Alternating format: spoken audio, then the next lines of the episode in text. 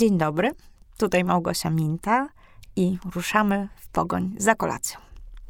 Dzisiaj chciałam Was zabrać na jedną z najpiękniejszych wysp, jakie udało mi się odwiedzić, która w sumie jest zupełnie blisko i która spokojnie powinna się znaleźć w Waszym wakacyjnym, podróżniczym planie. Mowa o Bornholmie.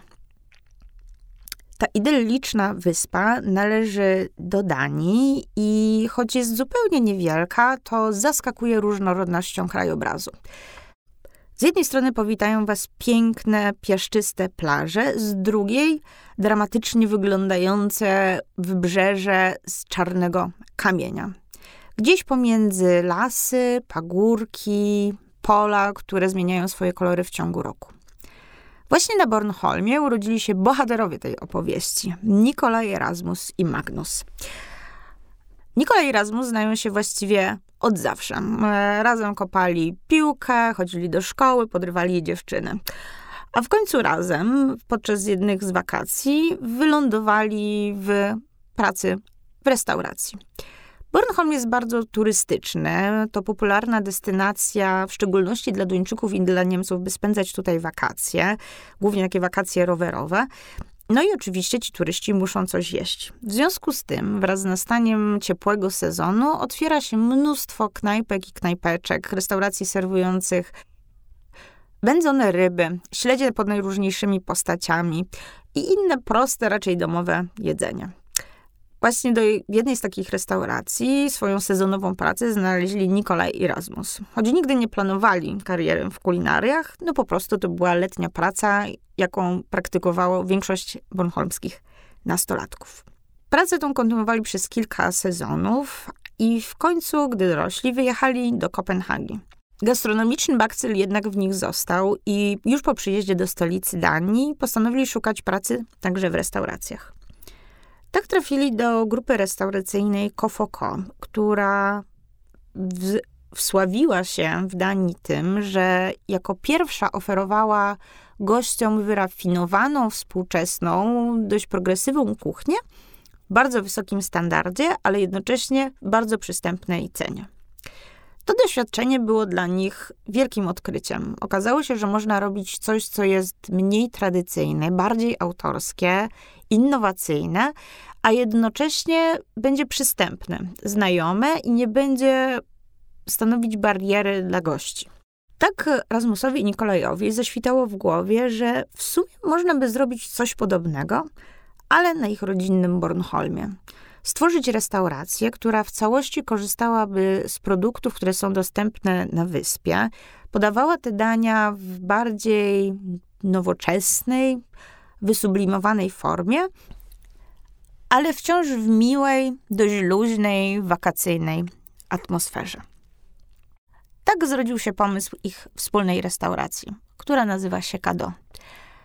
Kado to zdecydowanie jedno z najmagiczniejszych i najpiękniejszych miejsc, jakie można by sobie wymarzyć. Zostawiasz auto, by przejść kilka kroków przez sosnowy, pachnący żywicą las porastający wydmy. Gdzieś na horyzoncie zobaczysz wreszcie Bałtyk, zlewający się na horyzoncie z niebieskim niebem. W takiej właśnie scenarii znajduje się Kadom, zajmujący piękny, drewniany, wakacyjny dom. Kado jest zatopione w naturze. Zresztą, gdy siedzisz tutaj, widzisz przed sobą morze, dookoła lasy. W takim miejscu pewnie spodziewalibyście się znowu może śledzi, może wędzonej makreli, ale Kado to prawdziwe cacuszko, ukryte w pocztówkowym wręcz, wręcz krajobrazie. Jego kuchnia oczywiście ewoluowała z roku na rok, stawała się coraz bardziej wyrafinowana, jednak od zawsze była podsumowaniem tego, co jest dookoła podsumowaniem tego, co na Bornholmie się uprawia, tego, co można znaleźć na łąkach, na wydmach i w lesie. Jak mówi Nikolaj, który w restauracji pełni funkcję szefa kuchni, to czerpanie z dzikiej przyrody było właściwie dla nich naturalne. Jako dzieciaki chłopaki biegali właśnie po lasach, po wydmach, podjadali jagody, maliny, Niczym dziwnym było też to, że zbiera się tutaj grzyby albo kwiaty dzikiego bzu, które rosną gdzieś przy polnych drogach. Te wszystkie wspomnienia zawarli właśnie w swoim menu i postanowili je wykorzystywać do przygotowania dań.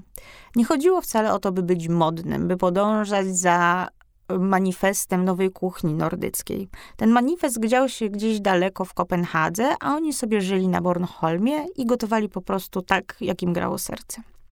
Z czasem restauracja, znajdująca się w tym drewnianym, pięknym sielskim domu, zaczęła być coraz bardziej popularna wśród letników przejeżdżających z kosmopolitycznej Kopenhagi. Jednak goście bywali tutaj właściwie tylko w sezonie, co nie do końca było z biznesowego punktu widzenia najrozsądniejsze. Dlatego w pewnym momencie właściciele postanowili otworzyć filię i drugie kado, bliźniacze do bornholskiej restauracji, ale już właśnie w Kopenhadze. Restaurację, która działałaby cały rok, ale nadal w swoim menu bazowałaby wyłącznie na bornholmskich składnikach. W tym momencie mamy zatem dwie restauracje o tym samej nazwie, ale moim zdaniem tą, którą szczególnie warto odwiedzić, jest restauracja działająca na wyspie, tylko w letnim sezonie. Menu Kado jest podzielone na dwa sezony. Właśnie letni, kiedy królują w jego kuchni świeże, często dzikie, e, zbierane przez pracowników kuchni składniki, ale też produkty, które pochodzą właściwie już nie z ogrodu warzywnego, ale z zupełnie pokaźnej, bo liczącej dwa hektary farmy, którą opiekuje się restauracja. Z kolei sezon zimnych miesięcy, czyli jesień oraz zima, to okres, kiedy kuchnia wykorzystuje przetwory, a tych, wyobraźcie sobie, robi się nawet kilka ton po to, by zabezpieczyć restaurację na ten okres produktowego nieurodzaju. Te przetwory różnią się jednak nieco od tego, co można by znaleźć w typowej babcinej spiżarni. Kuchnia Kado to popis, wykorzystanie do maksimum najbardziej nieoczywistych albo najbardziej trywialnych owoców czy warzyw. Weźmy sobie na przykład taką czarną porzeczkę.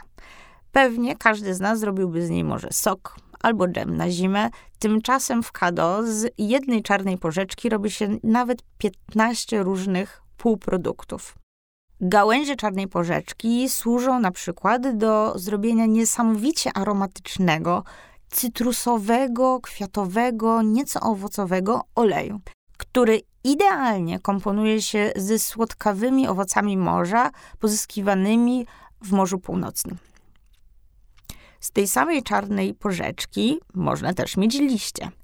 Te można na przykład ususzyć albo zapiklować, tak by stanowiły idealne wykończenie do różnych dań i swoją kwasowością i znowu lekką owocowością przełamywały smak na przykład dziczyzny.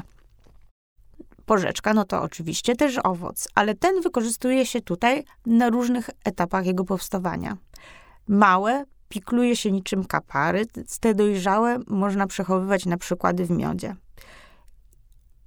Takich pomysłów, co jeszcze zrobić z porzeczki, można by wyliczać pewnie jeszcze sporo. A to przecież tylko jedna roślina jeden krzaczek, który znajduje się na restauracyjnej farmie. Co można w takim kado zjeść? Daniem, które chyba wspominam najmilej, było bardzo banalne. Nie zgadniecie, ale naprawdę była to cebula. Idealnie upieczona, mięciutka, pachnąca, wręcz słodka, malutka cebulka, podana z lekkim sosem na bazie owczej serwatki, a do tego odrobina słonawego, pachnącego morzem kawioru. Chyba najbardziej znanym, ikonicznym wręcz daniem kado jest bałtycki łosoś.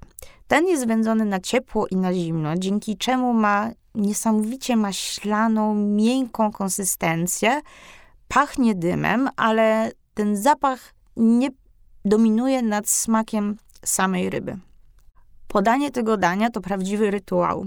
Najpierw piękny różowy filet jest prezentowany gościom przy stolikach, a następnie za pomocą drewnianych łyżeczek kelner lub kucharz wydobywa porcję mięsa spod idealnie zrumienionej skórki. Daniem, które jest w menu właściwie zawsze, ale nieco się zmienia względem sezonów. Są surowe krewetki, które tutaj sprowadza się z wód okalających Norwegię. Różowe, surowe, super słodziutkie krewetki podawane są z odrobiną śmietanki, z orzechami i w zależności od sezonu albo ze świeżymi figami, albo z figami, które spędziły kilka miesięcy w leśnym miodzie. Do tego właśnie piklowane liście porzeczek albo w sezonie świeże kwiaty. Piękna, eteryczna kompozycja, grająca głównie na słodkich smakach, a jednocześnie zdecydowanie wytrawna. To danie z gatunku tych, które są zbyt ładne, by je jeść, ale jeść zdecydowanie jest je warto. W Kadonie brakuje też dań zaskakujących, a takim na pewno są lody z przegrzebkami. Ni to deser, ni to danie wytrawne, coś zawieszone między kategoriami, na pewno nie pozostające nikogo obojętnym, ale też danie, które moim zdaniem śmiało by mogło prosić się o dokładkę. Te przegrzebki w daniu są głównie po to, by uzyskać karmelowo-umamiczny smak. Taką pastą smaruje się muszle, następnie wypełnia je śmietankowymi lodami. Do tego gorący, wrzący karmel aromatyzowany pigwowcem.